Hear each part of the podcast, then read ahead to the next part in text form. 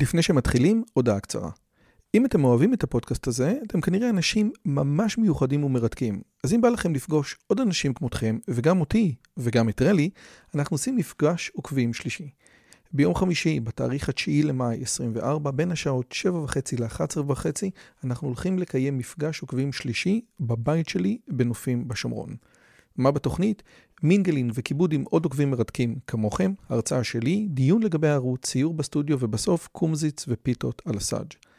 הרשמה מראש היא חובה וניתן לעשות את זה בקישור שבתיאור הערוץ או לחפש את הלינק ביוטיוב. נשמח מאוד מאוד לראות אתכם. ועכשיו, לשיחה. אחד האורחים הכי חשובים, הכי נצפים, הכי אהובים בערוץ הוא דוקטור דן שפטן, שבימים אלו יוצא עם ספר חדש, והספר נקרא היעדים הלאומיים של ישראל, פרספקטיבה כוללת. ואם אתם רואים פה את בן גוריון משחק שחמט, זה לא בכדי. והדבר הזה הוא ממש ממש מדהים, כי יש לו ספר חבל על הזמן. ובשביל זה הבאנו את דוקטור דן שפטן לדבר על הספר שלו. שלום, דן, מה שלומך? שלומי דווקא טוב, אבל גם זה יעבור.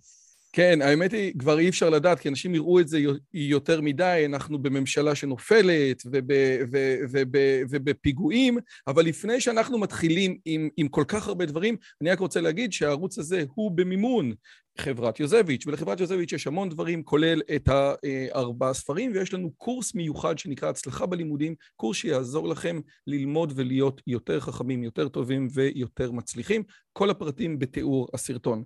אז קודם כל, ברכות, מזל טוב, מאז הספר הקודם שלך, הערבים בישראל, שהיה מאוד מאוד כבד, מרופרנס, אתה מוציא פה ספר שהוא קל, שהוא 150 עמודים או 120 עמודים ועוד נספחים, ספר מאוד מאוד כיפי לקריאה, ספר אופטימי, ממש, תקשיב, שיר הלל למדינת ישראל, זה כמו הנאום של פריקלס מצד אחד על אתונה, ובואו אה, ניקח את אה, הנאום של קנדי, שיר הלל למדינת ישראל, מקסים, פשוט מקסים. אז מה השתנה מערביים בישראל לספר הזה? תראה, גם בספר על הערבים, אזרחי ישראל, ניסיתי לתת פרספקטיבה אסטרטגית, כלומר, לבחון את כל המרכיבים האופרטיביים, ואחר כך לשאול מהן המסקנות האופרטיביות, ובסוף הספר, הפרק האחרון, נקרא מאשליות פתרון לבקרת נזקים. כלומר, גם שם אני אומר, תראו, זה לא איזה בעיה שאם נעשה א', ב', ג', יהיה לה פתרון, אין לה פתרון, אבל אנחנו צריכים לראות את זה כחלק מן התמונה הכללית. יעדה של מדינת ישראל הוא לא לפתור את מערכת היחסים שלה עם הערבים, זה אחד הכלים שאתה זקוק כדי לבנות את מדינת ישראל כפי שראוי לבנות אותה, אבל גם שם מה שאתה צריך זה לא פתרון אלא מענה. ואני הצעתי מענה. בספר הזה אה, קרה לי דבר מאוד מעניין, כי מלכתחילה אני נתבקשתי לכתוב מאמר שאמור להיות כולל, שאמור ל... לראות תמונה הרבה יותר רחבה מאשר כל אחת מן הנישות המחקריות שכל אחד מן החוקרים עוסק בהם ביום-יום, וקיבלתי על עצמי לעדכן את אה, היעדים הלאומיים של ישראל, ו-INSS, מכון למחקרי ביטחון לאומי באוניברסיטת תל אביב, קיבל את ההצעה ואני הלכתי לבדוק מה אני מעדכן, והתברר ש-150 שנה אף אחד לא כתב משהו שיטתי על היעדים של המפעל הציוני ובעקבותיו מדינת ישראל. מה שאני עשיתי זה להגדיר מה שנקרא אסטרטגיה בדיעבד, כלומר, לא לחפש באיזה מגירה נשכחת מסמך שהגדיר מלכתחילה את היעדים, כי אין מסמך כזה, אלא לומר, בוא נבחן דפוסים, ואם במשך תקופה ארוכה מאוד, דור אחרי דור, אנחנו בסופו של דבר מתכנסים לדפוס פעולה מסוים, ודפוס הפעולה הזה חוזר שוב ושוב, בדיעבד זאת האסטרטגיה. גם אם מלכתחילה היא לא הוגדרה במילים האלה, בסופו של דבר כך נהגנו. וניסיתי לבדוק מהם ההישגים ומהם הכישלונות.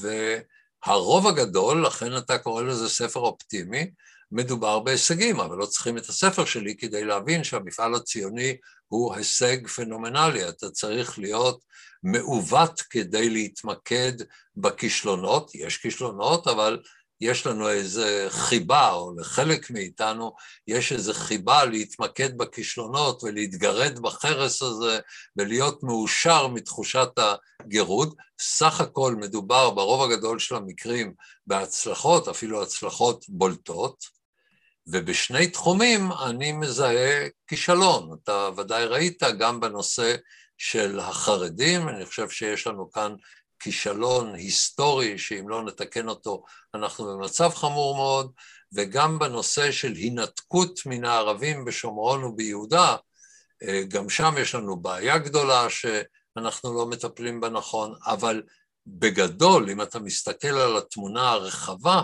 אנחנו במקום מאוד טוב.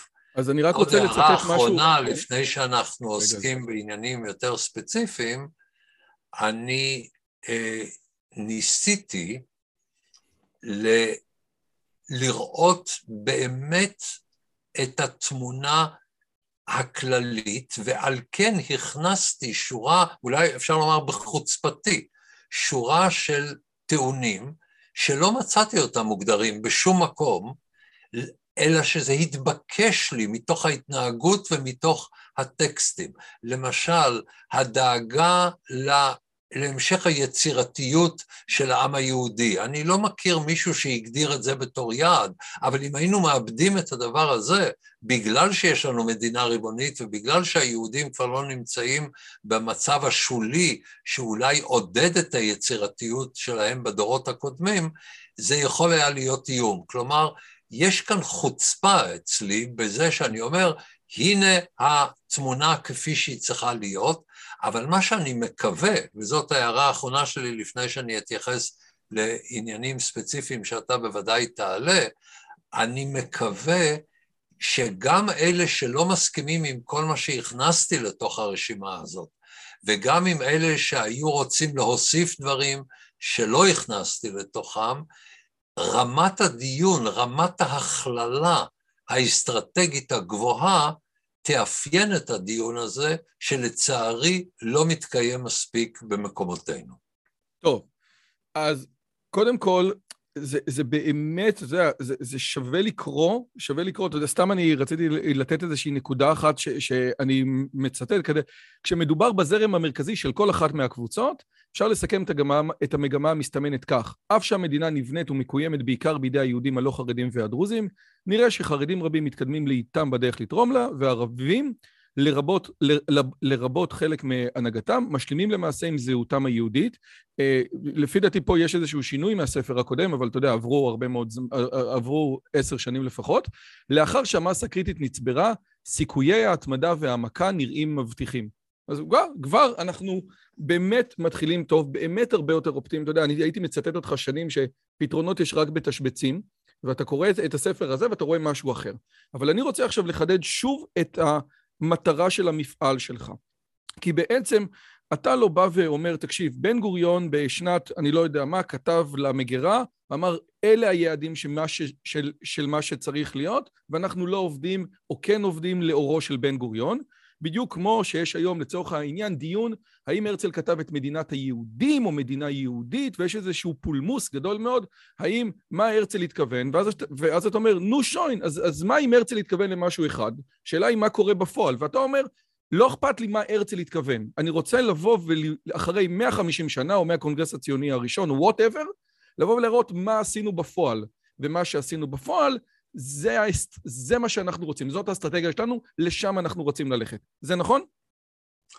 לא בדיוק, אבל בערך. זאת אומרת, אני לא אומר שמה שעשינו בפועל, זה מה שצריך ללכת אליו. לא, לא, לא, זה, אומר, זה מה שרצינו ללכת. כנראה שזה מבטא את מה שרצינו ללכת, משום שאם שוב ושוב בהכרעות קריטיות אנחנו הולכים לכיוון מסוים ולא הולכים בכיוון אחר, זה אומר משהו על המאפיינים שלנו. אני אתן את הדוגמה האולטימטיבית, שבעיניי היא קריטית להבנת המפעל הציוני, ויש לה גם השלכות לדיונים ממש של היום הזה, השבוע הזה. האם מטרת הציונות היא גאולת העם או גאולת הארץ? אני אומר באופן חד משמעי, המטרה היא גאולת העם. עכשיו, אי אפשר לגאול את העם אלא בארצו, כך שיש גם מרכיב של גאולת הארץ. אבל המרכיב של גאולת הארץ כפוף למרכיב של גאולת העם, ועל כן שצריך היה להחליט איפה בונים את המפעל הציוני בשנים הקריטיות שבו הונחו היסודות, אנחנו בנינו את זה בדיוק מחוץ לציון. מחוץ לציון במובן המצומצם ירושלים, מחוץ לציון במובן היותר רחב, שזה שומרון ויהודה, ובנינו את זה דווקא באותו חלק שהיה פנוי בסוף המאה ה-19 וראשית המאה ה-20 מהתיישבות ערבית צפופה, כלומר בשפלת החוף בעמקים ובגליל העליון, ובנינו את זה שם כתשתית. ולולי מלחמת ששת הימים היינו נשארים בתחומים האלה במידה רבה מאוד, למרות העובדה שליבת המפעל הציוני הייתה אמורה לחזור לציון, וציון הרי בעיקר שומרון ויהודה. וגם בשלב יותר מאוחר, כאשר התברר שהעם היהודי לא יכול לבוא ולהיות רוב מכריע בכל ארץ ישראל המערבית, כיוון שמיליונים מבניו הושמדו, ובדיוק אותם מיליונים שהיו אמורים ליצור את היתרון הדמוגרפי הזה, אז גם אז בן גוריון מחליט שלא לממש את הכוח של מדינת ישראל בסוף מלחמת העצמאות ולשחרר את כל ארץ ישראל המערבית, אני משתמש בטרמינולוגיה של אותם ימים, אלא להתכנס באותו מקום שאפשר להקים בו מדינה יהודית דמוקרטית. כלומר, בן גוריון העדיף את גאולת העם על פני גאולת הארץ, כי הוא הבין שאם נגאל את כל הארץ, העם לא ייגאל. רגע, אז שנייה, רגע, אז תיתן לי לקחת את זה, כאילו, את המשפט הבא בעצם, ולהגיד, ומכיוון ש... אם ניגע, נבחר את גאולת הארץ העם לא ייגאל, אבל עברו השנים, וב-67' העם, פחות או יותר, אמר, אוקיי, יש לנו, זה כמו בפירמידה של מאסלו, כבר אנחנו בסדר, אנחנו רוצים לגאול את הארץ. האם, האם אתה מוכן לקבל את זה בתור דה פקטו זה מה שהיה? לא, תראה, דה פקטו מה שהיה זה שכבשנו את אה, הגדה המערבית, או שחררנו את ארץ ישראל המערבית, כל אחד לפי נטייתו האידיאולוגית, אבל יושבים שם מיליוני פלסטינים, ולכן מי שרוצה לגאול את העם היהודי, בתנאים שבהם הערבים לא יעזבו, תראה, אם כל המפעל הציוני היה מתחיל 200 שנה קודם, אני מניח שגם אפשר היה לעשות כל מיני דברים שאי אפשר היה לעשות כבר באמצע המאה ה-20, בוודאי שאי אפשר לעשות אותם היום. ועל כן, בנתון הזה, האם אתה רוצה לצרף מיליוני פלסטינים כאזרחי מדינת ישראל, התשובה הציונית צריכה להיות לא. לא משום שהארץ היא לא שלנו, היא שלנו, לא משום שאם נצא משם יהיה שלום, לא יהיה שלום, יש לנו עניין עם פלסטינים, ואני לא חושב שאפשר להגיע איתם להסדר מוסכם בדורות הקרובים. אה, אני לא רוצה להיות כמו שמעון פרס ולדבר על מה יקרה בעוד 200 שנה בלי להבין מה קורה בדורות הקרובים. ועל כן, ההחלטה של בן גוריון, שהייתה נכונה ב-48', נכונה גם היום מוטטיס מוטנדיס. היום אנחנו יכולים לשבת, להכתיב את הגבול שאנחנו רוצים, להכתיב את המציאות שאיתה אנחנו יכולים לחיות, בלי לקבל, לצערי, את כל ארץ ישראל המערבית כביתו הלאומי הריבוני של העם היהודי. אז רגע, אז אני, אז אני ברשותך, בגלל, אני רוצה עוד שאלה אחת על הנקודה הזאת. האם העובדה שמיליון, כמעט מיליון או אפילו טיפה יותר, יהודים החליטו לגור במקומות האלו, לא בעצם אומר שחלק מהעם מבחינתו האסטרטגיה היא-היא להיות שם. זאת אומרת, האם אני, מס... האם אני מתעסק, האם אני מתייחס, כמו שאתה אומר, למציאות, כי אתה אומר שהספר שלך זה בדיעבד, ואני אומר, תקשיב, יש פה לא 200 איש, יש פה מיליון אנשים, אולי חלק מהעם היהודי היושב בציון רואה בזה סוג של אסטרטגיה. השאלה, כאילו, הצלחתי להסביר את עצמי? כן, אבל קודם כל, עובדתית זה לא נכון, מיליון לא יושבים שם. ואני גם לא מציע, לא, אבל אני גם מציע בכלל להתעלם מהשאלה כמה יושבים מאחורי קווי החמישי ביוני או הרביעי ביוני 1967. זה לא מעניין אותי בכלל, אנחנו צריכים להכתיב את הגבול. ובגבול שאני רוצה להכתיב, יושבים הרבה יהודים, וטוב שיושבים שם הרבה יהודים, ואני מקווה שישבו שם הרבה יותר מאשר היום, אבל בחלק שאותו אני נאלץ לעזוב, יושבים בין 70 ל-100 אלף יהודים, ואני מצטער שהם יושבים שם. אני מצטער שהם יושבים בלב הארץ, מאוד הייתי רוצה שהם ישבו באותו חלק שמאפשר לי להינתק מהרוב הגדול של האוכלוסייה הפלסטינית. אלה שהתיישבו דווקא שם, רצו לכפות עליי בעצם ישיבתם שם את המדיניות ש... נראית להם, זה לא המדיניות שנראית לי, ועל כן אני רוצה את אותם אנשים שיושבים בלב הארץ שממנו אני רוצה להינתק כדי להיפטר מן הקשר עם הפלסטינים, אותם אני רוצה לעקור ממקומם, ואני יודע שזה דבר קשה, ואני רוצה לעשות את זה כיוון שלדעתי גאולת העם תלויה ביכולת שלא לגאול את כל הארץ.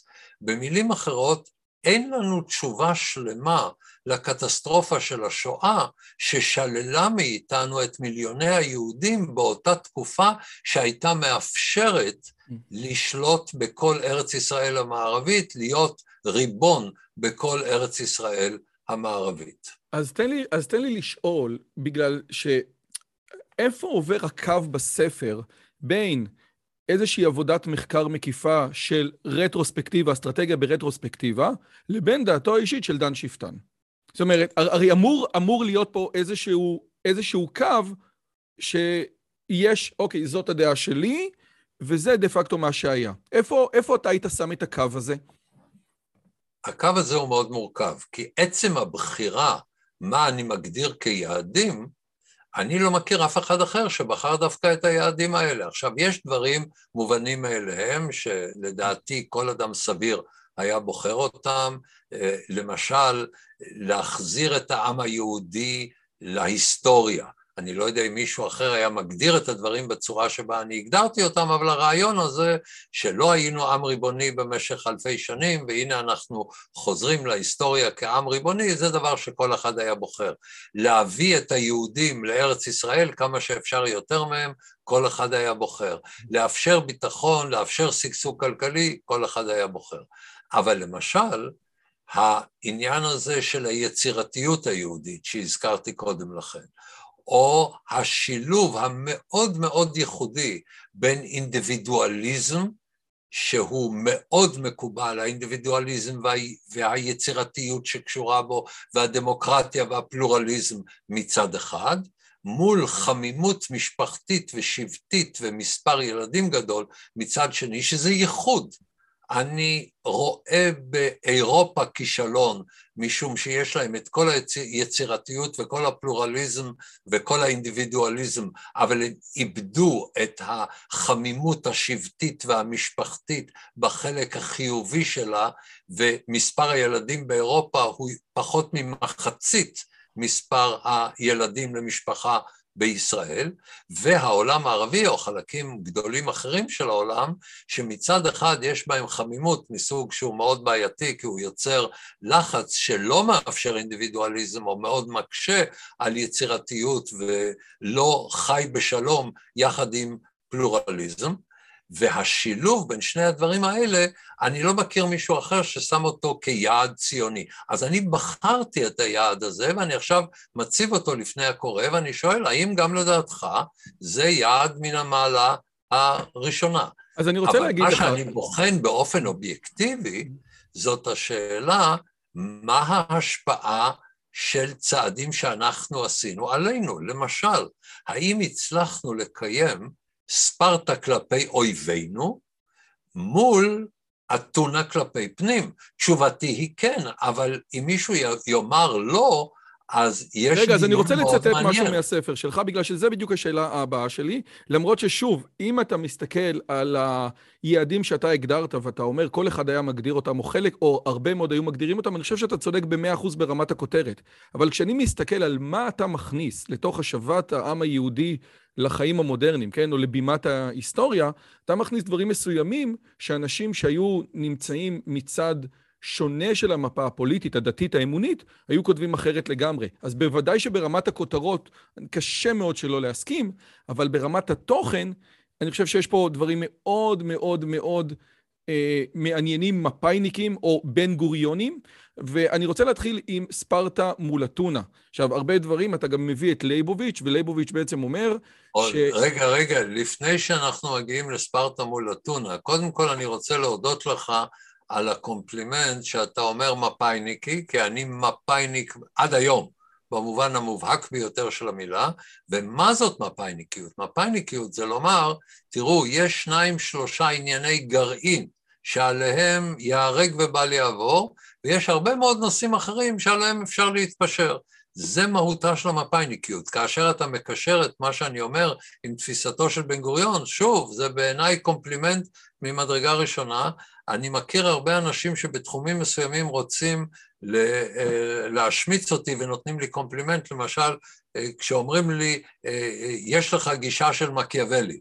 אני חושב שמקיאוולי הוא אחד ההוגים האסטרטגיים המצוינים, שאולי אני הייתי מכניס יותר אה, ריסונים בחלק מהצד הערכי, אבל החשיבה לדעת שמה שמקיאוולי אומר הוא נכון, ואחר כך להגיד, רגע, אני לא מוכן להשתמש במכשיר הזה, אבל אני יודע שהמכשיר הזה הוא מועיל, הוא טוב. אז קודם כל, תודה על הקומפלימנט. אז אני רוצה רגע להגיד לך... כן, ש... לשם אני חותר. אז שכאשר דיברתי עם העורך של התוכנית, עם שי רוזנמן, ואמרתי, כי ואמרתי, דן שיפטן הוא מפאיניק, אבל הוא לא מפאיניק, הוא בן גוריוניסט, והוא בן גוריוניסט בכמה וכמה אספקטים. קודם כל, הוא החליט לשים את בן גוריון על הכריכה, ולא בכדי. זו אמירה סופר משמעותית, כן? זה דבר אחד. על הכריכה משחק שחמט, בוא תסביר לנו איך צריך לעשות את האסטרטגיה של מדינת ישראל, כן? זו תמונה שלא נבחרה במקרה. הדבר השני, כאשר אנחנו, יותר מזה, כאשר דן שיפטן מביא לנו בנספחים כל מיני מאמרים מכוננים. המאמרים לקוחים מבן גוריון, משה שרת, שמעון פרס, יצחק רבין, יש לנו אולי זאב ז'בוטינסקי כדי, אתה יודע, בכל אופן, כן? אבל בסופו של דבר אנחנו רואים ש... ש כל המאמרים האלה לקוחים מ... הם, אפשר להגיד חד צדדיים ולא תיעלב? לא, אפשר להגיד שזה בא מהצד הנכון, ואז אני לא... אה, אה, אוקיי, כן. תראה, אבל אני רוצה לומר... אני רוצה לומר... מהצד הנכון של המפה הפוליטית, את, אם אתה שונא אה, ישראל. אני רוצה לומר שאת פרס ואת רבין הבאתי כדי להדגים שטובת ציפורנם של ראשונים מקרסם של אחרונים. כלומר, בעיניי הטיעונים של שמעון פרס הם הזויים לחלוטין, ורציתי להביא אותם כדי שעומק הזייתם תהיה ברורה לקורא, והטיעונים של רבין, יש בהם את כל הנפלא ואת כל הבעייתי.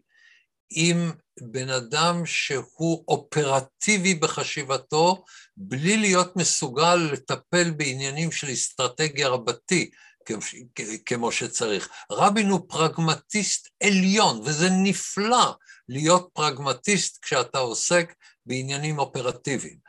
אבל כשזה מגיע לאסטרטגיה רבתי, אני חושב שרבין טעה טעות עמוקה באוסלו, ואני נותן לו קרדיט דווקא על ההישגים שלו בתקופת הכהונה הראשונה, ולא בתקופת הכהונה השנייה, כי אז הוא היה מפאיניק, כי הוא עוד היה בתוך מסגרת מפאיניקית. הכהונה הראשונה זה לעשות... לשבור את הידיים ואת הרגליים? זאת מה ש... לא, לא, לא, לא, לא, לא, לא. עניין לשבור את הידיים ואת הרגליים היה לפי דעתי טעות, ולא היה צריך ללכת בכיוון הזה, כי כשאתה אומר לעשרות אלפי אנשים, קחו ותשברו את הידיים ואת הרגליים, הדרך שבה זה מתפרש יכול היה להיות גרוע. האינתיפאדה הראשונה נשברה בדרכים לגמרי אחרות, לא בשבירת ידיים ורגליים, אה, לא זה המקום לדון בזה. כן, לא, אבל לא, בסדר, אבל נניח לא שהייתי עורך של הספר שלך, תקשיב, נניח לא שהייתי עורך... כן. העורך של הספר שלך, והייתי אומר לך, תקשיב, אני לא יכול שאתה מביא לי רק אה, אה, אה, הוגים בנספח, ובאמת נספח מרשים, תביא לי גם הוגה מהוגה שמדבר על אסטרטגיה מהצד השני של המפה הפוליטית. עכשיו, כמובן, בשנותה קיומה של הראשונה של מדינת ישראל, מפא"י שלטה פה ללא מיצרים. את מי היית מביא, אם העורך היה אומר לך, תכניס לי עוד מישהו חוץ מז'בוטינסקי? את בגין? את מי היית מכניס? לא, מישהו? לא, לא. תראה, קודם כל, אני באופן עקרוני לא נותן לעורך להגיד לי מה לעשות בספר שלי, וה...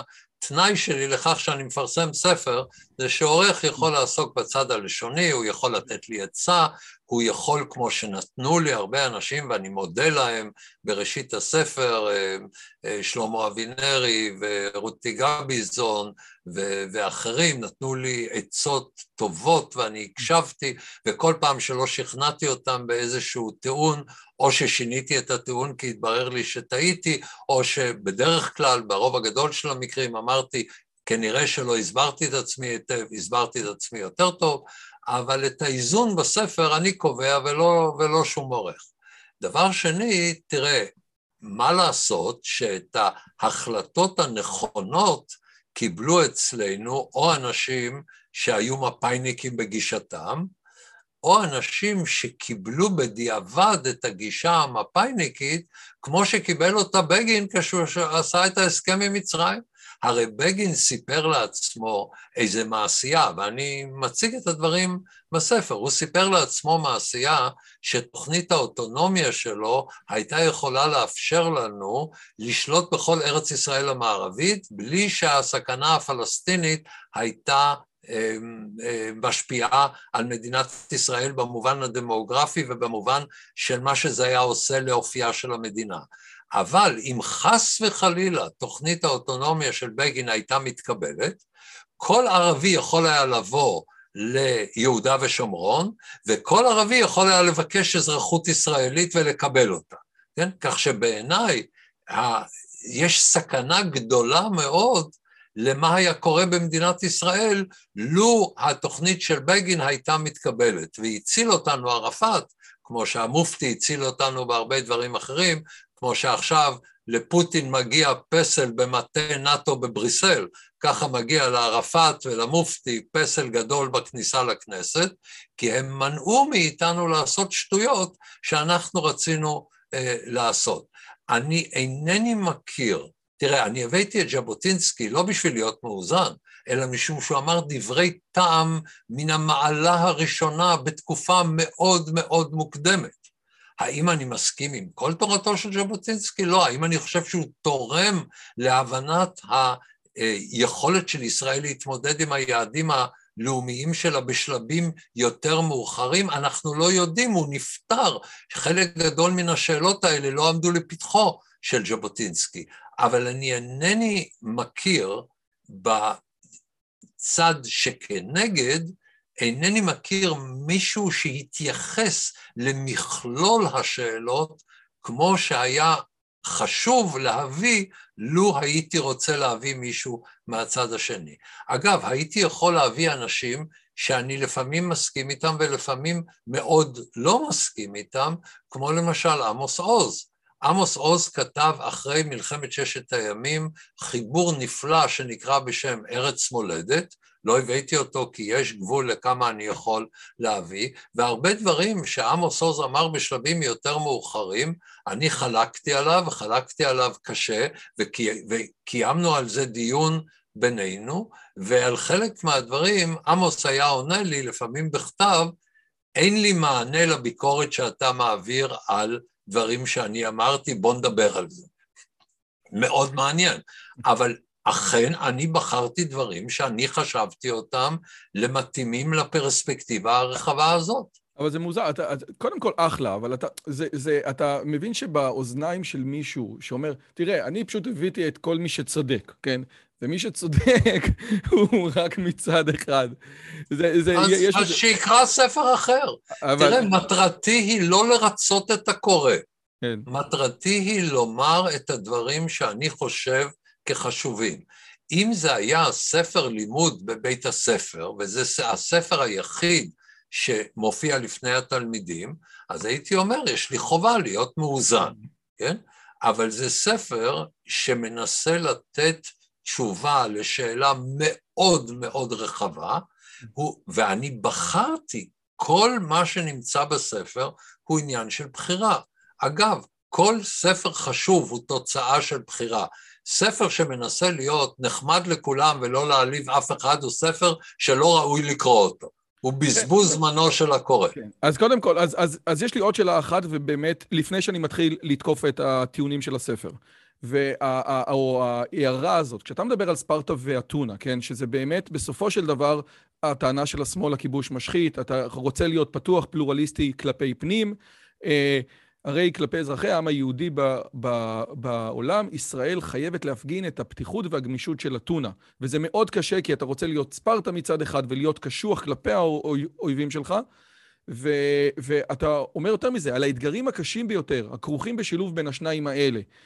אין ישראל יכולה ללמוד מניסיונם של אחרים, כפי שכבר ניתן כאן, מעולם לא התמודדה חברה פתוחה ופלורליסטית דור אחרי דור במשך למעלה ממאה שנים עם הדילמות של מאבק בעל ממדים קיומיים, עם Start-Up Nation מצד אחד, ועם עבודה במחסומים ונוהל מעצר אה, אה, אה, שכן מהצד השני. ואז אתה מביא את לייבוביץ', וזה באמת מדהים, וכל אחד יודע שלייבוביץ', יש שני ישעיהו לייבוביץ', אבל לייבוביץ' הזקן, בעצם אמר, תקשיב טוב, אם אתם, אם אנחנו נמשיך לשלוט ביהודה ושומרון, אנחנו נהיה נאצים. השלטון כזה, ואני מצטט אותך, שאתה מצטט אותו, ירעיל את החינוך, יחניק את המחשבה החופשית ואת חופש הביקורת, ויוקמו מטעם השלטון הישראלי, ירחם השם, מחנות ריכוז ועצי תלייה. זאת תהיה מדינה שאינה ראויה להתקיים ולא כדאי יהיה לקיימה. כמובן שזה ליבוביץ' המאוחר והמוקדם חשב דברים אחרים, ואתה אומר, יובל שנים של כיבוש הפריך את התחזיות. זה לא נכון. אנחנו בצד... עכשיו, אני רוצה שתתייחס לזה, כי זה באמת משהו מאוד משמעותי. מצד אחד אנחנו שולטים כבא ביהודה ושומרון, אבל השלטון הזה, לפי מה שאתה אומר פה, לא הופך אותנו להיות חיות אדם, לא הופך אותנו להיות... אפשר... אני אגיד לך לא הרבה יותר מזה. מדינת ישראל היום היא לאין שיעור יותר פלורליסטית מאשר הייתה לפני הכיבוש. עכשיו, האם הכיבוש הוא מרכיב שלילי? כן, אבל אנחנו הצלחנו להתמודד עם השליליות שלו באופן שהמכלול, תראה, מדינת ישראל היא לדעתי המדינה הפלורליסטית ביותר בעולם. אני לא מכיר שום מדינה אחרת שבה חברי פרלמנט מזדהים עם האויב בזמן מלחמה, והמדינה מאפשרת להם לעשות את זה ונותנת להם לעשות את זה. זאת מדינה מאוד חופשית, מאוד פלורליסטית, למרות הכיבוש. עכשיו תראה, השאלה היא לא האם אתה עושה משהו שיכול להזיק או לא, השאלה היא האם אתה זקוק לו בתחום שבו הוא מועיל, ואתה יודע להתמודד עם זה שהוא מזיק. למשל, למדינת ישראל ישנו לא רק צבא גדול וחזק, אלא גם צבא שמאוד משפיע על החברה. אני אומר יותר מזה, אינני מכיר מדינה דמוקרטית שבה לצבא יש כל כך הרבה השפעה על המדינה. מה זה יכול היה להביא וממה צריך להיזהר? שגורם מיליטריסטי ישפיע על חברה ויעשה מיליטריזציה של החברה. מהו המענה של החברה הישראלית, ואני לא חושב שמישהו חשב על המענה הזה מלכתחילה, אלא שהוא התגבש תוך כדי תנועה כחלק מאותם דפוסים שאני מדבר עליהם קודם. מה שקרה זה שמדינת ישראל עשתה דמיליטריזציה של צה"ל. צה"ל הוא לא צבא. צה"ל זה הכלאה בין מיליציה לבין תנועת נוער. אני לא מכיר עוד צבא בעולם שהוא כזה.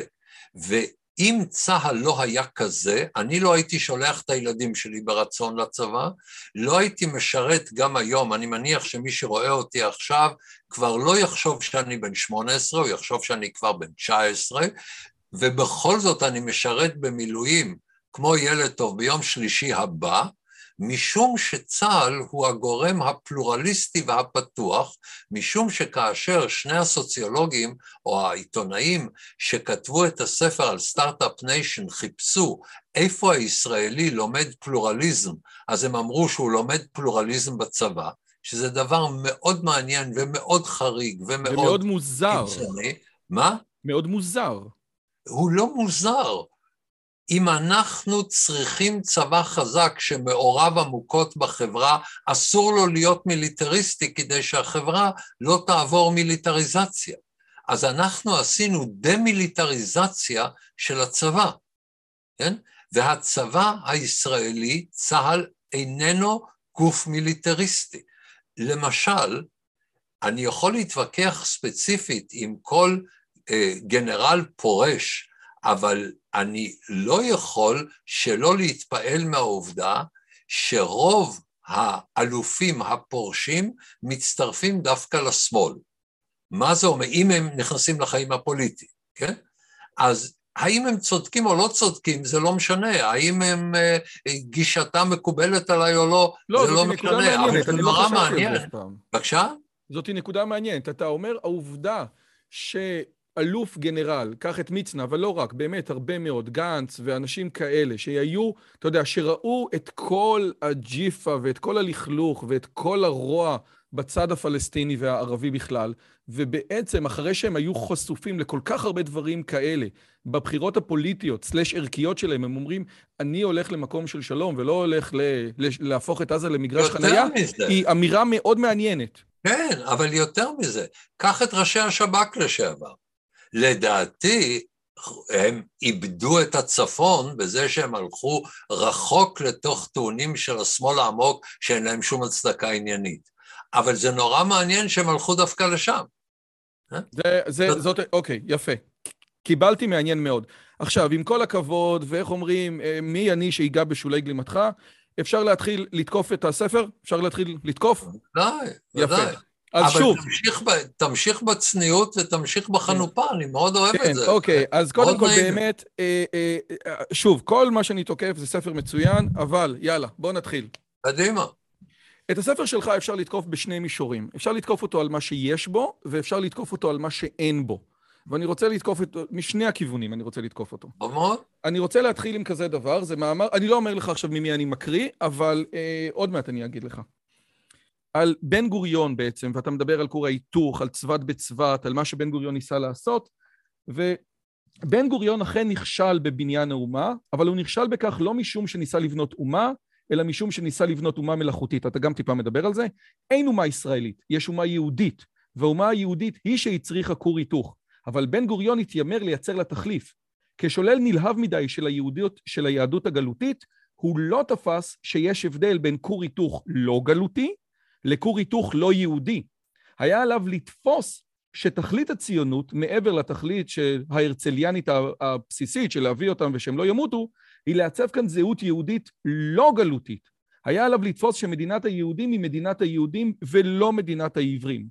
והעבריות הנאו-מקראית של בן גוריון אומנם הונחלה במערכת החינוך הממלכתית, אבל התאימה לצברי, מלח הארץ, כמו דיין, אלון ורבין, אבל כזהות לאומית היא הייתה הונאה עצמית, כי רוב העם לא התחנך בנהלל ובכדורי, ולא דהר על סוס וגם לא על ג'יפ, רוב העם היגר לכאן מקהילות מסורתיות, ורובו מגדיר את היום עד היום כמסורתי. אה, אתה, לפני שאני אומר לך מי כתב את זה, אתה, מה, מה אתה אומר על הטיעון הזה? שמי שכתב אותו מזהה את הזהות היהודית עם דתיות.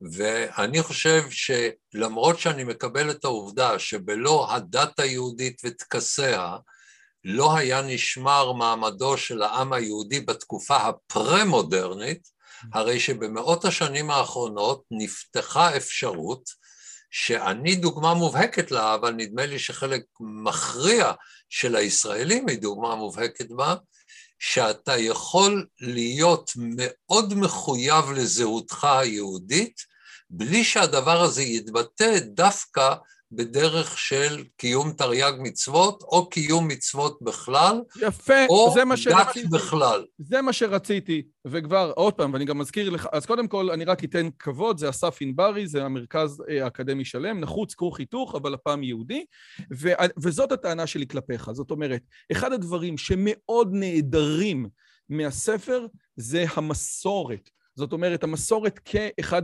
כתוב מסורת, היה, אבל, אבל מסורת כגורם משמעותי, כגורם בונה במדינת היהודים החדשה, זה קיים, זה דבר שלא קיים, והטענה שלי כלפיך היא כזאת, שבעוד שדן שפטן, כאחד מה, מה, מזקני השבט של מפא"י, כן?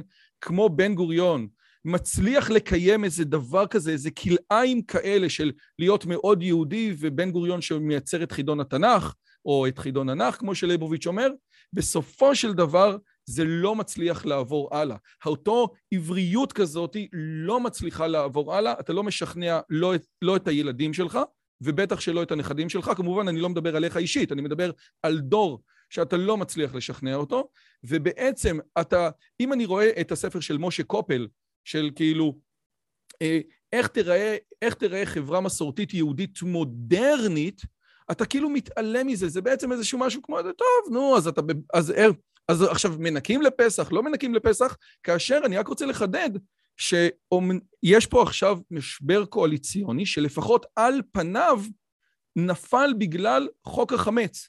עכשיו, ברור שזה לא זה וזה הרבה מקרים וכל אחד קיבל פה דילים, אבל בסופו של דבר המסורת כגורם חי ובועט במדינת ישראל, כאשר בסקרים 80% צמים ביום אה, כיפור, זה משהו שבעצם עובר לך מתחת לרדאר, ולפי דעתי לא כי שכחת, אלא כי יש פה אג'נדה מפאיניקית שאיבדה את הרלוונטיות שלה.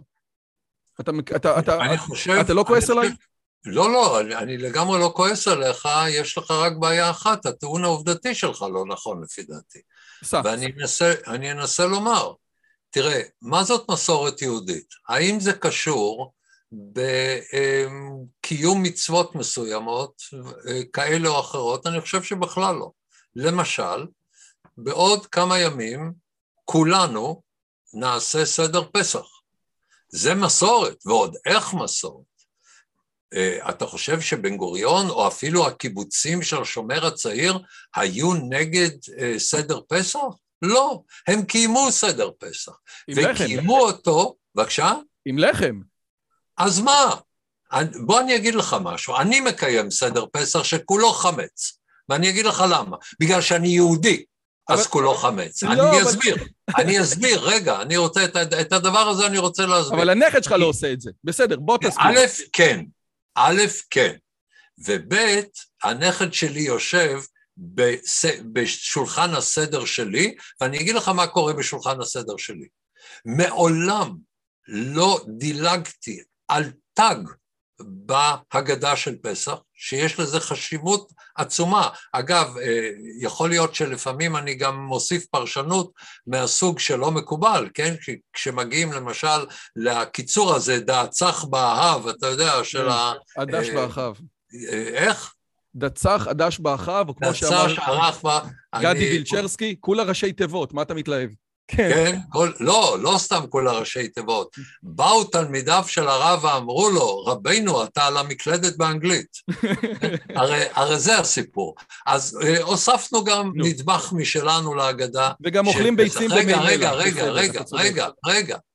אבל הלוז של ההגדה של פסח אומר, בכל דור ודור חייב אדם לראות עצמו כאילו הוא יצא ממצרים. כל היתר פרשנות, ואידך זיל גמור. זה הלוז. עכשיו, למה אני לא צריך לאכול מצות? אני יכול לאכול מצות עם חמץ, למה אני צר... לא, לא צריך מצות? כי אני לא צריך שיזכירו לי שבצקם של אבותינו לא הספיק להחמיץ, כי הייתי שם. כי ככתוב, בכל דור ודור חייב אדם לראות עצמו כאילו, כאילו הוא יצא ממצרים. אותי לא מעניין אם יום אחד יבואו ויוכיחו ארכיאולוגית שבכלל לא היינו במצרים, כן? היינו במונטה קרלו, לא היינו במצרים. בנינו מלונות, לא בנינו פירמידות, כן? כי הסיפור של יציאת מצרים הוא סיפור שאני אימצתי כסיפור שלי, כסיפור של העם היהודי, וזה הדבר המכריע. וכולנו כאן, אני מקיים בחנוכה, אני שר את כל שירי חנוכה. כולל השיר נס לא היה לנו. אבל אני מתחיל ב"אנו נושאים לפידים", נס לא קרה לנו, פח שמן לא מצאנו, בעמק הלכנו, ההרה עלינו, מעיינות אורות גנוזים גילינו, בסלע חפרנו אדם ויהי אור. אנחנו האור. מהו הנס? הנס הוא שאנחנו נשארנו יהודים. הנס הוא שבעינינו הזהות היהודית היא הזהות החשובה. עכשיו, רוצה מישהו לקיים תרי"ג מצוות? בבקשה. ובלבד שיעבוד וישרת בצבא. זה מה שיש לא, לי נגד... לא, רגע, שנייה, אבל, אבל, אבל לזה אני אגיע עוד רגע, שנייה, כי אני רוצה, יש לי פה כמה נקודות לתקוף אותך, אז, אז, אז, אז שנייה. אבל, אבל ש... ברשות. ברשותך אני רוצה להשלים את הטיעון. כן. אני טוען שלא בנינו כאן עם עברי, לא ניתקנו את עצמנו מהגולה. הרי מה רצו העברים? העברים אה, חשבו שיש סולידריות בינינו לבין הערבים, כן? משום שאנחנו בני האזור, והסולידריות שלנו לא תהיה כלפי חוץ עם יהודי העולם, אלא להשתלב במרחב. לא, לא, זה לא נכון. בן-גוריון דחה את זה ופסל את זה. רגע, לא, דן, זה לא נכון. יש כמה הגדרות לעברים או לכנענים. זאת אומרת, יש את ההגדרה של בן גוריון, מהתנ"ך עד הפלמ"ח, כן? שזה משהו אחד. יש, אתה יודע, ביאליק הולך על כיוון אחר, ברל כצנלסון הולך... כל אחד לקח את הסיפור הזה למקום אחר. ועכשיו, ואתה יודע, שלמה מימון באוטוביוגרפיה שלו אומר שבדיוק הם דיברו על אלוהים, ואז החבר שלו אומר לו, רגע, למה אנחנו לא מתפללים? אז הוא אומר לו, מה זה להתפלל? להיות עם אלוהים. אני מדבר עם אלוהים עכשיו, אנחנו עושים פילוסופיה על אלוהים. אז בעצם אומר דן שפטן, תקשיב, מה אני צריך עכשיו את המצע שתזכיר לי? אני יודע את זה לבד. הוא באמת בעולמות עליונים כותב מלאכים. אבל הטענה שלי עדיין נשארת ועומדת בעינה. זה בדיוק כמו שהקיבוצים בקום המדינה, או אפילו קודם, פסלו או ביטלו את הקדיש מתוך טקסי הלוויה, כאשר כאשר אותם קיבוצים מבטלים את הקדיש, זה מהלך אמיתי, זה מהלך משמעותי, זאת שתיקה רועמת במלוא מובן המילה, אבל דור אחרי זה, שכבר אין, שיש שתיקה, אבל היא לא רועמת, כי אתה כבר לא יודע מה היה, אז הדור השלישי מחזיר את הקדיש. ולכן, מכיוון, שה, מכיוון שהישראליות לא הצליחה לשים על השולחן איזשהו מודל אחר של מסורת, היא חייבת... לא נכון. לא נכון, פשוט לא נכון. תראה, הציבור הישראלי מוכן היום לקבל על חשבון רמת חייו, לקבל עלייה של יהודים גם מאתיופיה, גם מרוסיה, גם מאוקראינה, משום שהוא מבין שאנחנו יהודים, שהזהות שלנו היא לא ישראלית. אני לא ישראלי, אין דבר כזה ישראלי. נכון, כן? אבל הזהות היהודית... יש יהודי שחי במולדת. אני יהודי שחי במולדת, והעם היושב בציון, ברובו הגדול, רוצה לקיים את פסח ורוצה לקיים את יום כיפור ואת ראש השנה ואת השבת ואת חנוכה, הוא רק לא רוצה שהממסד הרבני המושחת עד היסוד שהוא האויב הגדול של העם היהודי, משום שהוא מרחיק אותנו מן המקורות, משום שהוא יוצר אסוציאציה בין המניפולציות המכוערות של הממסד הרבני, בעיקר מאז שהשתלטו עליו החרדים, שהם בעיניי אויבי העם היהודי, כי הם מרחיקים את היהודים מן הקשר אל הזהות היהודית שלהם, בגלל שהם מושחתים, בגלל שהם פרזיטים. זאת הנקודה המכרעת שבה נוצר בישראל, נוצרה מסורת יהודית של עם היושב על אדמתו. תראה, אני מניח שאם חס וחלילה לא הייתה קיימת מדינת ישראל, ואני הייתי חס וחלילה חי בארצות הברית או באירופה, אני חושב שהייתי שומר על כשרות. כי הייתי אומר, אני רוצה להזכיר לעצמי שאני יהודי. בארץ אני לא צריך להזכיר לעצמי, זה מובן מאליו. כן, וזה מובן כן, מאליו לא רק לדור שלי. אבל, אבל קודם כל, מה שאתה אומר זאת טענה מפאיניקית, זאת אומרת, הדת עזרה לנו... אבל, אבל אז, אז, אז הטענה שלי היא, היא, היא שאתה, עם כל הכבוד והערכה, ומי אני שיגע בשולי גלימתך וכו', אתה עוף מוזר, ובאיזשהו מקום מייצר, אה, אה, לא, או, או מייצג דור לא. שעבד עליו הקלח באיזשהו... לא, הרוב הגדול של הדור הצעיר רוצה אה, לחגוג את פסח, רוצה לחגוג את חנוכה, רוצה להרגיש יהודי, רוצה להביא יהודים ארצה, מוכן לוותר כדי לה... על רמת חיים כדי להביא יהודים ארצה, מוכן לסכן את החיילים שלו שילכו ויביאו יהודים מסודאן שמגיעים מאתיופיה, רוצה בכל זה כי יש לו זהות יהודית, ואין קשר לדת. עכשיו, מי שרוצה גם להיות דתי, בבקשה. כן, מי שרוצה זה... להאמין בקריסטלים, בשנקין, בבקשה, אין לי בעיה. אבל אני דוס, אבל אני דוס. ו... אין דבר, אני סולח אני לך. יודע, תראה איך אני מוכן לדבר איתך, כאילו ש... אתה באמת, שתדע לך, זה פשוט מדהים, היכולת שלך גם לבוא לאותם פגאנים, ובאמת ככה למשוך אותם מתוך תאומות הג'יפה, זה באמת נפלא. אבל אתה יודע מה? אני חושב מי הם הפגאנים? אה, מישהו, מישהו שרוצה לאכול חמץ בפסח? לא, אני. מה רע בלאכול חמץ בפסח? אני. אה? אני הפגאני, אתה לוקח את הפגני. אתה לא פגני, אתה לא פגני. יש לך, לכל בן אדם יש אמונות טפלות משל עצמו. אה? אני, כן. יש לי אמונות טפלות משלי, אני, אני לא אחשוף אותן כדי, ש, כדי שלא יצחקו עליי. טוב. אז אין לי בעיה. מי שרוצה, תראה, ה... לכן אני כל כך התנגדתי לאמירה האווילית של ריבלין על השבטים. כאילו שאתה ואני שייכים לשבטים שונים, לא נכון. אני והחרדים שייכים לשבטים שונים, לעם שונה. כן, כן אבל אתה רואה לא במסורת שלי, אבל תקשיב, אני מאוד אוהב קסמים, כן? אני קוסם. לא, אבל רגע, אני רוצה להסביר שאתה ואני שייכים לאותה משפחה. זה שאתה דתי ואני לא, זה שאתה מקיים תרי"ג מצוות, תראה, אני לא רק לא מקיים תרי"ג מצוות, אני סלקטיבי לגבי עשרת הדיברות.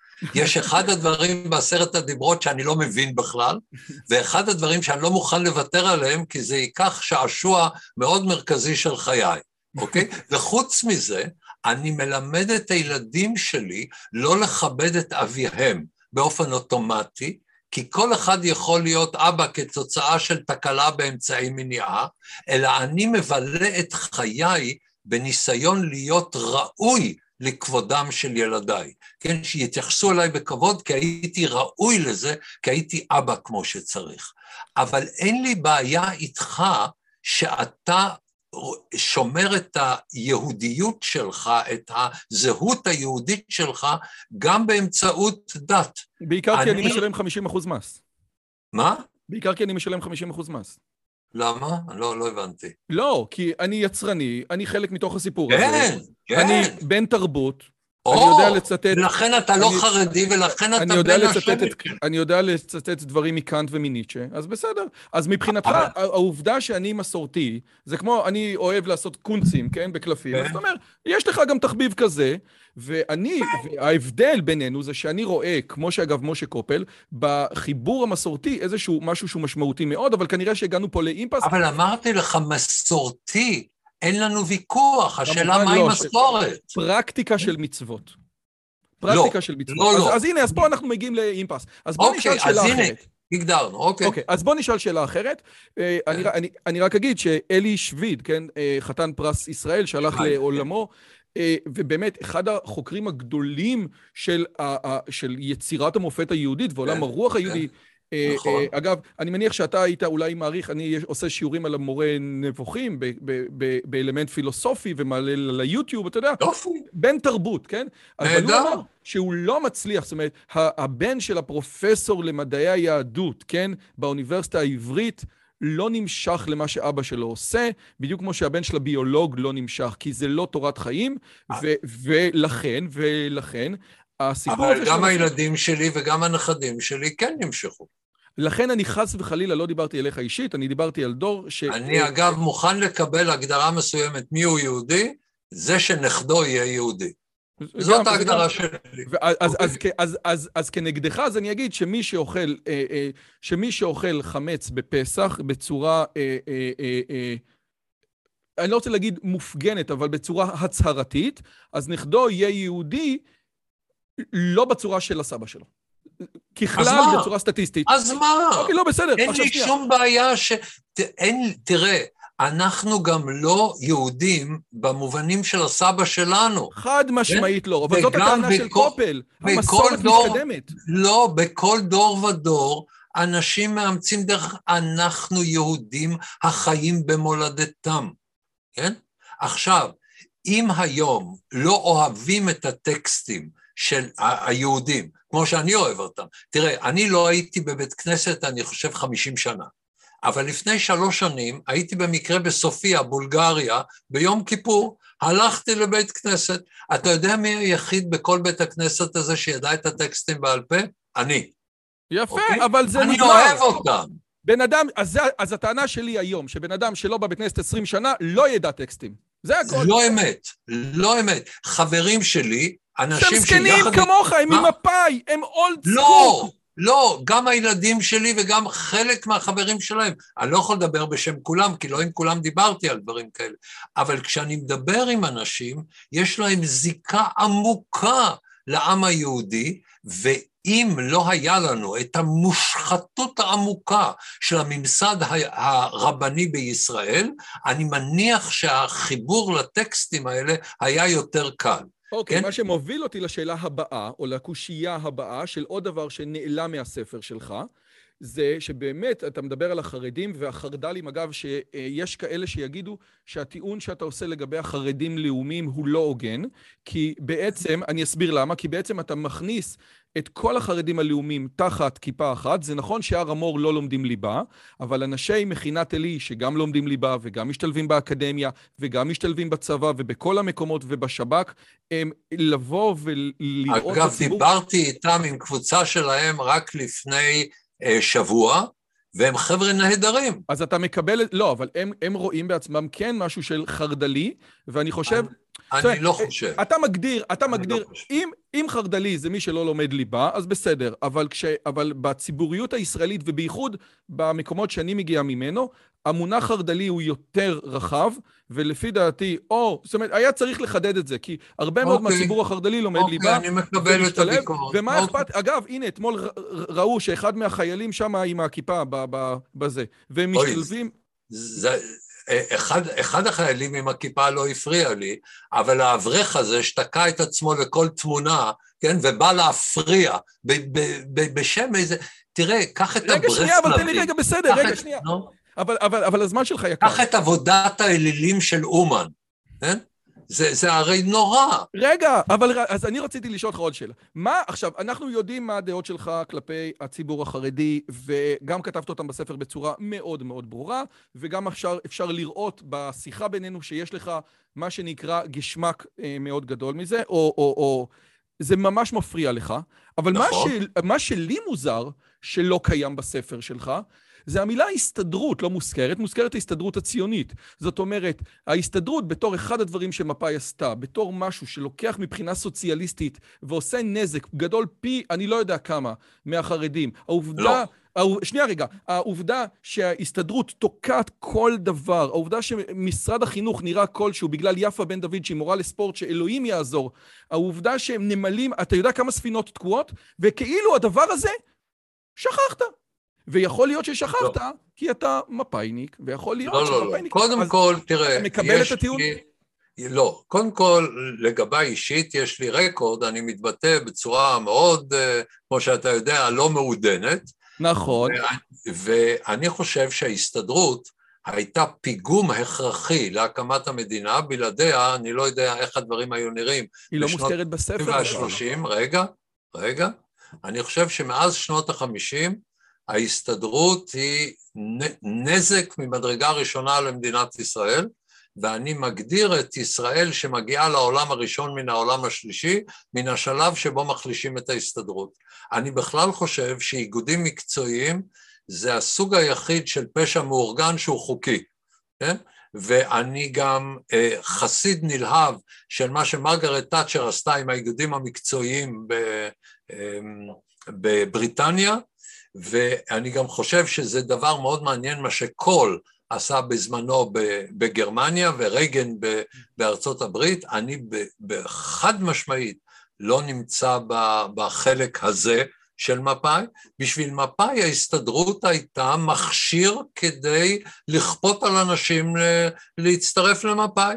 האם... מפא"י היא לא טלית שכולת חלת. אבל האם לא שייך להכניס במסגרת היעדים האסטרטגיים של מדינת ישראל, פשוט להוריד אבן ריחיים כל כך משמעותית וכל כך בעייתית? איך זה יכול להיות שבספר הזה לא... אני חושב שאין שום פרופורציה בין הנזק שגורמת ההסתדרות, והיא גורמת נזק, לבין הנזק שגורמים החרדים. החרדים, אם הם מחנכים את הילדים שלהם להיות פרימיטיביים, ושיעורם באוכלוסייה יגדל כי מגדלים פרימיטיביים על חשבוני, שיעורם באוכלוסייה יכול לגרום לזה שמדינת ישראל תידרדר למצבן של מדינות ערב, ואז לא נהיה מסוגלים להגן על עצמנו בפניהם, כי יהיה לנו אוכלוסייה פרימיטיבית שלא מסוגלת להתמודד עם האתגרים של העולם המודרני, ואז הסיכוי היחיד להתמדת קיומו של העם היהודי, שזה היהודים במדינת ישראל, ירד לטמיון, וזה מסכן את העם היהודי. וההתנגדות המאוד נחרצת שלי לחרדים היא משום שהיום האיום מספר אחד על העם היהודי, האיום הפנימי הוא האיום החרדי. מספרם של האנשים, שיעורם באוכלוסייה של האנשים שמגדלים אותם להיות פרימיטיביים, כי רק פרימיטיביים יישמעו לרבנים המניפולטיביים שלהם, זה בעיניי סכנה קיומית לעם היהודי.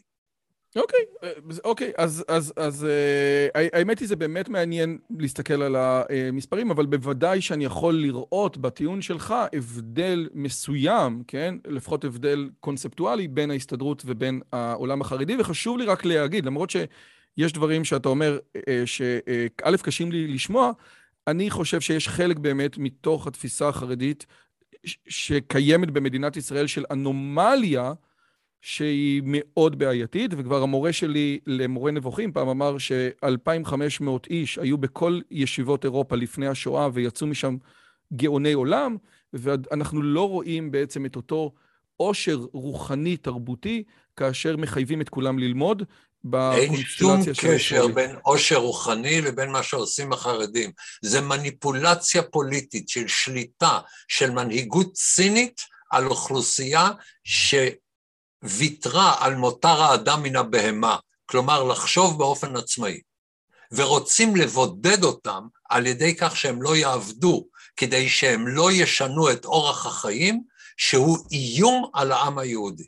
אוקיי, ואז... אגב, אז... אגב, שלא תהיה אי הבנה, חרדי שעובד ומשרת בצבא, הוא בעיניי חלק מן הסולידריות ביני ובינך, אני מכניס גם אותו.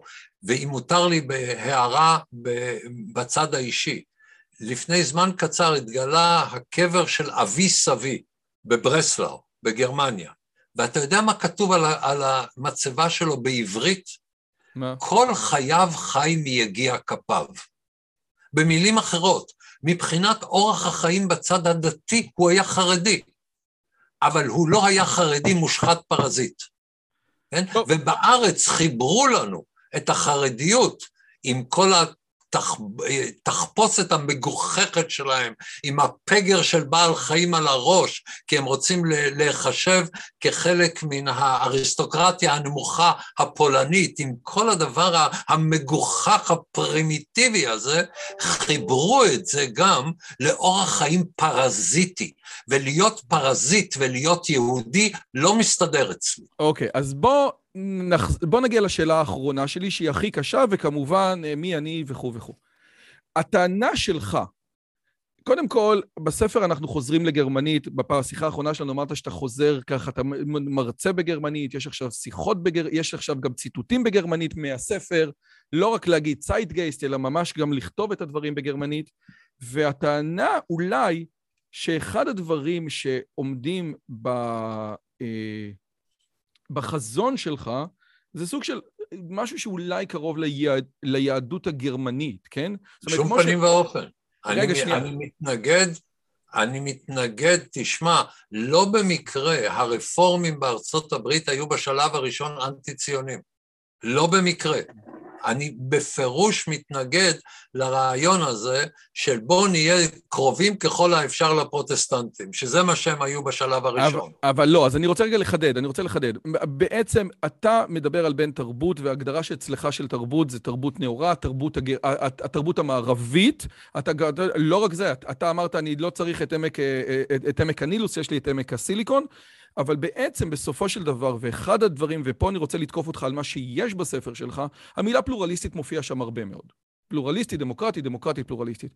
אבל כנראה בעצם, אחד הדברים, אוקיי, מה, למה אנחנו מתכוונים כשאנחנו אומרים את זה, ואני חושב שאחד הדברים שאנחנו מתכוונים זה, א', העובדה שאנשים כמו אחמד טיבי יכולים להתנהל בצורה שהם מתנהלים, אבל יותר מזה, אתה בעצם מגן, אני חושב, באיזשהו מקום, על, בעצם על בתי המשפט ועל, ה, ועל הליברליות ועל הפלורליזם של בשום פנים ואופן.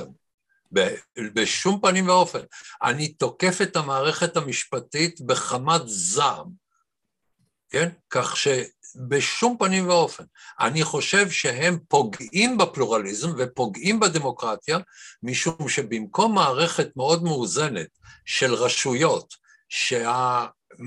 רשות המחוקקת עוסקת בחקיקה, ורשות מבצעת מבצעת, ורשות שופטת יכולה לפקח על הדברים, הם בעצם לקחו לעצמם את הסמכויות של הרשות המבצעת ואת הסמכויות של הרשות המחוקקת. בעצם כולל... העיתול הדתית כזאת, זאת אומרת שהוא, שאפשר להגיד שאהרון ברק הוא סוג של איזשהו... איזשהו שייח, יש לו את השורה שלו, את אה, מועצת החכמים, ובסופו של דבר, הוא יגיד לך מה אתה צריך, מה הם הערכים שלך. אני לא בחרתי בו, אני חי במדינה דמוקרטית שבה אדם בלתי נבחר לא יעצב את דמותי. אם אני מוכן לקבל את האדם הכי, הרי אהרון ברק הוא אדם משכיל ונבון וציוני ב, ב, אה, בעיני עצמו ובעיני רבים אחרים, ואולי גם בפועל היה רוצה לקדם את היעדים הציוניים, אבל כאשר הוא תומך במערכת שמאפשרת לכל פלסטיני להפוך להיות אזרח ישראלי, אז יש לי בעיות איתו. אבל, לא רק, זה, אבל לא רק זה, האם הוא, הוא גם תומך בסופו של דבר באיזשהו כיוון או לדחוף לאיזשהו צביון, שהצביון הזה כנראה לא מקובל על חלקים נרחבים בעם היהודי. לא על חלקים נרחבים, על הרוב הגדול על של הציבור. על הרוב הגדול. כפי שהדברים משתתפים בבחירות, כן? ומצב שבו מרשה לעצמו בית המשפט לנהוג לא רק תוך פרשנות מאוד יצירתית, אלא בניגוד גמור לחוקי הכנסת. כן? והוא עשה את זה לא פעם ולא פעמיים. ומקום שבו הוא משתלט על המדינה, והוא רואה את עצמו כעליון במובן הזה, שכל החלטה בלא יוצא מן הכלל מגיעה לפתחו, הוא דואג שהיא תגיע לפתחו, ואחר כך הוא אה, עושה בזה כבתוך שלו. תראה מה שהוא עשה בנושא של המהגרים מאפריקה, כן? טירוף מוחלט. זה, זה דבר בלתי נסבל, ממש בלתי נסבל, כולל טיעונים מגוחכים על פניהם. כותב השופט פוגלמן שאסור לעצור אנשים במתקן חולות, אם אני לא טועה, פעמיים ביום, כי אחרת זה יפריע לאנשים מאריתריאה לפתח תחביב. כן? חובתי לדאוג לחירות תחביביו של כל אדם בעולם שיסתנן בניגוד לחוק למדינת ישראל. יש כאן מערכת בלתי נסבלת. עכשיו, אל תבין אותי לא נכון. אני רוצה בית משפט חזק ועצמאי. אני אפילו רוצה לתת לו את האופציה לפסול חוקים פעם בירח כחול, אני לא יודע איך מתרגמים לעברית once in a blue moon, כן? במקרים מאוד מאוד נדירים שבהם, אבל הוא החליט שהוא הממונה על המידתיות, והוא הממונה על... על ערכי המוסר. לא, על ערכי המוסר מילא, אבל הוא יכול לפסול חוקי יסוד, הוא שוקל אם הוא יפסול חוקי יסוד. על יסוד מה? על יסוד מה? הרי חוקה אין, ואגב לא תהיה ולא יכולה להיות במדינת ישראל. על יסוד הידע האקזוטי שנקרא זכויות אדם כלליות. האדם הנאור, כן. של אני, האדם הנאור שאין לא, דבר כזה, כי כבר אמר צ'וסטון. אם אתה מאשים אותי בתמיכה בזה, בשום פנים ואופן לא.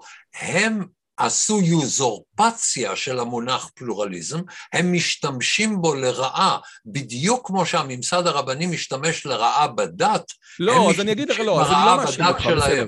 אז אני, אז, אז, אז אני לא מאשים אותך, אבל אני רק אומר שאתה, בשונה מהעמיתים שלך בעיתון הארץ, לא הלכת איתה עוד צעד אחד. אני, אין לי עמיתים בעיתון כן. הארץ. כן? לא, אבל אתה, אבל אתה כחלק מהאליטה האינטלקטואלית הישראלית, א', אתה נמצא באמת בעמדת מיעוט, בסופו של דבר, אבל אנשים באליטה, בוודאי של עיתון הארץ, רואים את זה ככה, ולכן זה מוביל אותי לשאלה האחרונה.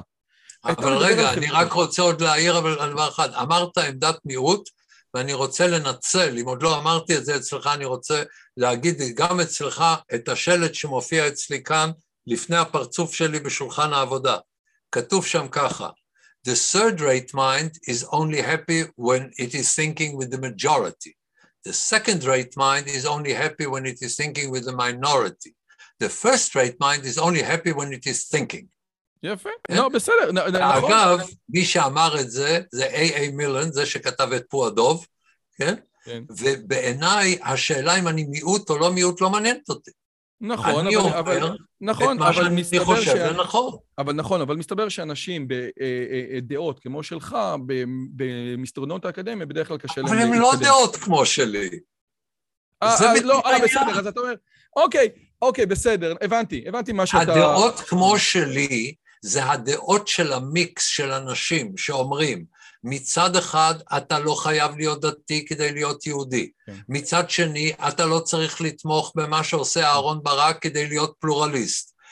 אם אתה רוצה אנשים מסוגי, אז תיקח אנשים שהם באמת מסוגי, לא כאלה שמתחזים להיות. מסוגי. אוקיי, ולכן אני רוצה להגיע לשאלה האחרונה, כי באמת אה, אה, זמננו קצר, ושבת היום, בכל אופן, גם אם שומרים, לא שומרים, אה, צריכים להכין תראה, היום לשבת. אפשר להגיד שיפיה, כן? שבת נכון. היום פסח היום.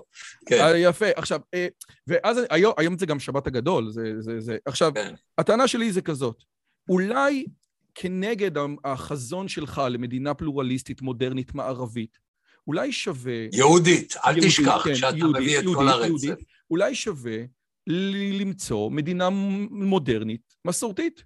זאת אומרת, שנייה רגע, בעצם אנחנו לא... אנחנו מדינה מודרנית מסורתית. זאת אומרת, לא להיות בגבולות, לא להיות יותר גרמנים מהגרמנים. לא, ר- רגע, שנייה, נכון, שנייה רגע, אני רוצה אבל ממש לחדד. ואם לצורך העניין, הרי, הרי אחת הטענות כלפי שמעון פרס, ואתה גם מעלה אותה, אחת הטענות של שמעון פרס זה איזשהו, שהמודל שלו היה אה, שלום בביקיני. זאת אומרת, בוא נראה לעולם שיש לנו, שהבנות שלנו בתל אביב הן בדיוק כמו הבנות בברלין, הן עם. לא, לא, לא, לא. תראה, מותר לך להעליב אותי בכל תחום חוץ מלהשוות אותי לשמעון פרס. לא, חס וחלילה. אתה אומר, אתה אומר אצלך את הדברים האלה. את ההפך הגמור. את ההפך הגמור, כן, אבל אני רוצה לחדד את הנקודה. זאת אומרת, אני, אה, בסופו של דבר, אם, אם, אם, אם אנחנו הולכים לחברה מודרנית, כן? זאת אומרת, לחברה שאין לה אלמנטים מסורתיים, כן? אז בסופו של סוף, בסופו של דבר, את הגרמנים אתה לא משכנע, ואת ה... לא מעניין אותי. רגע, רגע, ואת הקולגות שלך, אתה, הקולגות שלך י, יזלזלו בך, והטענה היא שחלק מה, חלק מה, אה, אה, מההתלהבות של הסכמי אברהם הייתה זה שבאמירויות מצאו בישראל איזושהי תרבות משותפת שהיא בחלקה מסורתית, שבחלקה יותר צנועה, שבחלקה יש לה יותר ילדים. אבל אין... אנחנו מדינה מודרנית מסורתית. יותר מזה, אחד היעדים הלאומיים שהגדרתי הוא בדיוק זה. כי כשאני מדבר על סולידריות שבטית, אני מדבר על סולידריות שבטית יהודית. אנחנו מדינה מודרנית מסורתית. אני חושב שזה אחד ההישגים הגדולים של מדינת ישראל, שיש לנו בצד אחד את המודרניות וה- והאינדיבידואליזם, ואותם אנשים עצמם הם גם מסורתיים. אנחנו, תראה, בדרך כלל כשאומרים מסורתי, אז האסוציאציה זה יהודי מזרחי שלא רוצה להרגיז את הקודש ברוך הוא, כי לך תדע איזה נזק הוא יכול לגרום לי. זה גישה פרימיטיבית, זאת גישה לא נכונה למסורתיות. אני יהודי מודרני מסורתי, כן? או שיורם חזוני שב- אומר, הקונסרבטיבים או השמרנות האמריקאית באה לידי ביטוי בישראל, מכיוון שישראל היא חברה מסורתית מהגדרתה. נכון, נכון, ואני מבטא, אני אישית מבטא את השילוב בין, או לפחות מנסה, בין מודרניות לבין מסורתיות. אבל גם אני עושה את זה, לא אבל בדרך אחרת. אתה שם לב, אה? נכון? זאת אומרת, גם אני עושה את זה באיזשהו מקום בדרך אחרת. תראה, אבל שני- בין- שנינו בין- מודרנים מסורתיים. כן, כן. ואני טוען שבלי המסורת הזאת, בשביל מה לקיים מדינה פה? מה, אני צריך, אם, אם אני רוצה לקיים מדינה מודרנית, למה לי דווקא במזרח התיכון? למה לי דווקא פה? למה לי בשפה העברית? למה שאני לא אנהל את כל חיי באנגלית? זה הרי הרבה יותר נוח לפרסומים מדעיים. לא.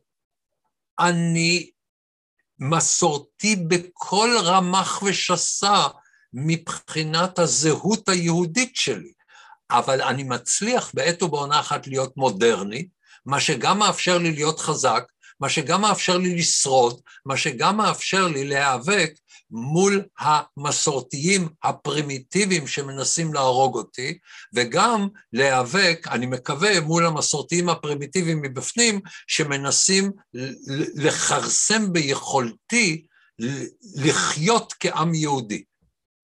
מה שנקרא את העמוד האחרון במסכת קורותיו של העם היהודי, עוד לא כתבו. אנחנו כותבים, ואנחנו... אתה ואני כותבים אותו עכשיו. דיברתי עם, אה, אה, עם יהודה מירסקי, שכתב ספר על הרב קוק, והוא כתב אותו בארצות הברית. ושם היה איזשהו, אה, נתנו לו מענק מחקר לכתוב על דמויות מופת יהודיות. והוא אמר, בארצות הברית לא מכירים את הרב קוק. ואחד הדברים, והוא אמר, מכירים שני דברים. או זה הרב של יגאל עמיר, או זה הרב הצמחוני שרצה שלום. זה, זה, זה כאילו מה שמירסקי אמר. והטענה של מירסקי הייתה מעניינת. לרב קוק אין משמעות ביהדות ארצות הברית, בשונה לצורך העניין מהרב אשל או מהרב פיינשטיין, כי לרב קוק אין מסר ליהדות ארצות הברית, והמסר שלו הוא רק מסר ליהדות ישראל, כי המסלול ממשיך דרך מדינת ישראל.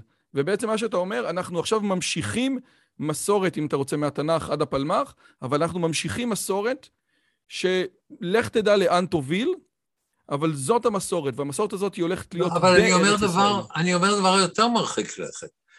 אין עתיד ליהודים כיהודי מחוץ למדינת ישראל, אוקיי?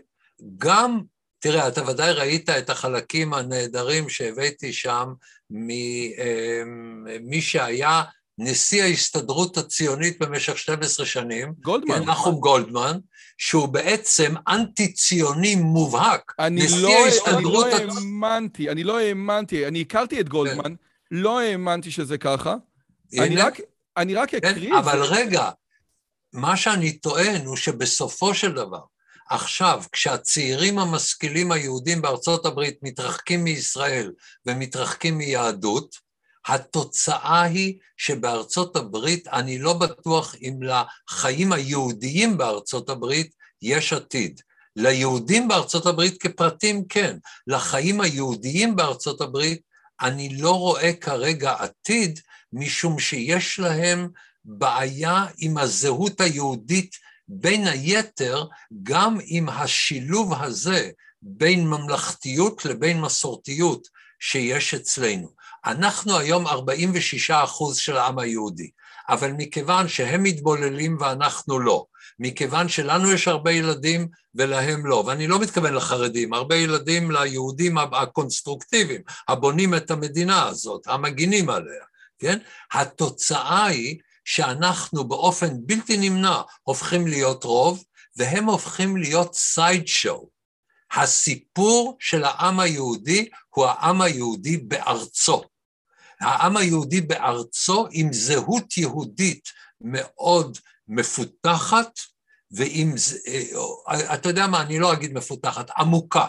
עמוקת שורשים. עם תחושה שהוא בעל הבית, והתחושה כן? הזאת, כשאתה מדבר עם יהודי התפוצות, אומר, כשאתה נמצא במקום הזה, אתה רואה דברים אחרים לגמרי, ואותם ישראלים, ולכן קהילות ישראליות בחו"ל וקהילות יהודיות בחו"ל, לא תמיד, או ברוב הפעמים, לא מצליחות באמת להסתדר, כי קהילות ישראליות מגיעות מתוך מקום עם תודעת רוב, תודעת בעל הבית, וקהילות יהודיות מגיעות ממקום אחר.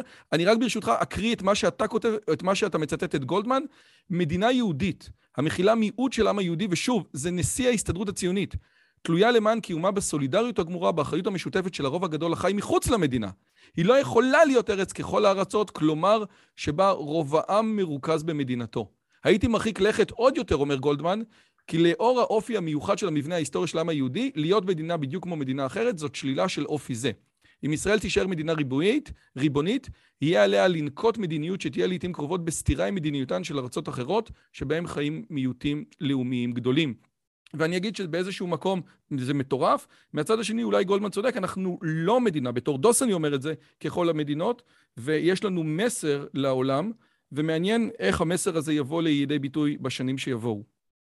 אני לא בטוח שאנחנו רוצים או צריכים להיות אור לגויים, זה הפרויקט שלך, בבקשה. אני רוצה להיות אור לעם היהודי. אני רוצה לדאוג שאנשים כמו גולדמן יהיו, ימשיכו להיראות כמגוחכים, משום שמה שהוא בעצם אומר, העם היהודי במדינתו צריך להיות כפוף לשאלה מה נוח ליהודים בארצות הברית. כן? ויש כאן, אה, אה, אני רוצה, לשומעים שלנו, אני רוצה להזכיר שגולדמן אחר כך אומר שלמדינת ישראל צריך להיות צבא סמלי, והוא צריך להיות מורכב, הוא צריך להיות בינלאומי, ושם צריכים לתת את זה לערבים, להיות אחראים על הביטחון של היהודים, כי באופן כזה נפצה את הערבים מזה שלקחנו להם את הארץ. כן? זה הזוי, כל הגישה הזאת הזויה, ואני טוען שבסופו של דבר חיים יהודיים מלאים ייתכנו רק במולדתו של העם היהודי, ושזה לא תלוי דווקא בדת. זה יכול להיות יחד עם דת, כן? אבל זה לא תלוי בדת, ואנחנו מוכיחים את זה כל יום. דוקטור דן שפטן, מחבר הספר, האמת היא מחבר המון ספרים, אבל באמת נהיית סלב בשנים האחרונות, וזה כיף גדול. איזה כיף לדבר איתך. לא ידוע לי שאני נהייתי סלב, הייתי שמח. תקשיב... יש הנחות I... סלב שאני רוצה. אני, כשאני אה, דיברתי איתך בפעם הראשונה, אני ראיתי את כל מה שהיה לראות אצלך ביוטיוב, שזה היה את ה-INS, כאילו ממש שני סרטונים, ועכשיו זה בעצם עושר רוחני גדול מאוד. לפי דעתי... תודה לקורונה. אתה... לא, זה, זה, אני חושב שזה שילוב של הרבה מאוד דברים, אבל יש גם, אתה יודע, דברים שהם פתאום מתבשלים, וזה, אתה יודע, לכתוב בישראל היום, אה, הפודקאסטים, אתה יודע, באמת, וגם הספר הזה, לפי דעתי, כתבת אותו מתוך ידיעה שיקראו אותו הרבה יותר אנשים מאותו קומץ מלומדים שקרא את הספר הקודם. אתה מקבל את זה? כן, אבל אני אגיד לך משהו הרבה יותר חשוב. את הספר הזה קראו כמעט כל מעצבי דמותה של מדינת ישראל, גם בממשלה, גם באופוזיציה, גם בצבא, גם בקהילת המודיעין. אמ, היום במכללה לביטחון לאומי, כשאתה מגיע אתה מקבל את הספר, והספר הזה, דרך אגב, עוד לא יצא לאור. בינתיים, מה שאתה ראית, זה פעולה פרטיזנית של INSS, של המכון שבו כתבתי את הספר, ושל המכללה לביטחון לאומי. הוא יצא בקרוב בהוצאת ידיעות אחרונות, אני עוסק עכשיו בשני דברים שצריך להוסיף לו, קודם כל המלחמה באוקראינה ששינתה בצורה אה, בולטת וחיובית לפי דעתי את המפה העולמית, ושנית מה שקורה עם איראן אנחנו צריכים לראות, ולכן אני עוד ממתין לפני הפרסום, האם ארצות הברית תיכנע לאיראן בנושא של אה, חתימה על החוזה, או כמו שאני מקווה, שהדבר הזה ייכשל. אבל אה, כשהוא יצא לאור, אני גם מקווה שהציבור הרחב יקרא, אם כי אנחנו עם הספר על המדפים. קוראים אצלנו הרבה פחות ספרים מאשר... לסטודנט הישראלי יש את הדיבר ה-11, אל תקרא. כן. אגב, אם, אם זה עוד לא יצא, אז אני רק רוצה אולי להזכיר, לבקש באמת בהגדרות שלך לגבי הציבור החרד"לי, שווה באמת לחדד את זה, כי... אולי, כן. אולי, כן. רק אני... אני אה, לא מכיר אותו היטב. אז, אז אני אומר לך, כאילו כשאני קראתי את זה, והאורחים שלי זה, רגע, אבל, רגע, אבל זה לא הוגן מה שהוא עושה, אז, אז שים לב. בסדר. תקשיב, היה... לא... מעולה. כל זמן שהם לא יטענו שכל באישה ערווה, אני יכול להתייחס יותר ברצינות לתפיסות שלהם. העיקר שהם ידעו למה אוכלים ביצים במי מלח. כן. אז אה, שבוע הבא, ליל העצמאות של העם היהודי, שבצורה מדהימה לא נחגג בכיכרות העיר, אלא נחגג כל אחד עם המשפחה שלו. מצוין. ישראל, העם היהודי הוא עם מסורתי, והעצמאות הלאומית מתחילה במשפחה. דוקטור דן שפטן, כיף גדול, היה כבוד ענק להביא אותך פה שוב, וזהו, פסח שמח, וקשה למי שרוצה. יאללה, ביי. אוקיי. אם הגעתם עד לכאן, מגיע לכם כל הכבוד. אז תנו לי להגיד לכם שלושה דברים קצרים. הדבר הראשון, אם שמעתם משהו בשיחה שמעניין אתכם, שאתם רוצים לקחת הלאה, פשוט ספרו אותו לאנשים אחרים. משהו מעניין שאני אמרתי, משהו מעניין שהאורח שלי אמר, איזשהו רעיון שאתם רוצים לקחת איתכם לחיים, פשוט ספרו אותו לחבר או לחברה. זאת הדרך הטובה ביותר לזכור את הרעיונות מתוך השיחות האלה. הדבר השני, אם אתם רוצים לקחת חלק בקהילה שלנו ולפגוש ולדבר עם אנשים כמוכם, אתם מוזמנים לערוץ הטלגרם שלנו, שווה לכם מאוד. פשוט תראו עוד אנשים שמתעניינים מדברים מגניבים בדיוק כמוכם. והדבר האחרון, אם אתם יכולים, דרגו את הערוץ שלנו באפליקציית הפודקאסטים שלכם, זה יכול להיות בספוטיפיי, באפל פודקאסט או בגוגל פודקאסט, זה תהליך קצר של שתי שניות, הוא מאוד מאוד יעזור לנו להפיץ את הבשורה הלאה. שיהיה לכם כיף גדול וכיף בשיחה הבאה.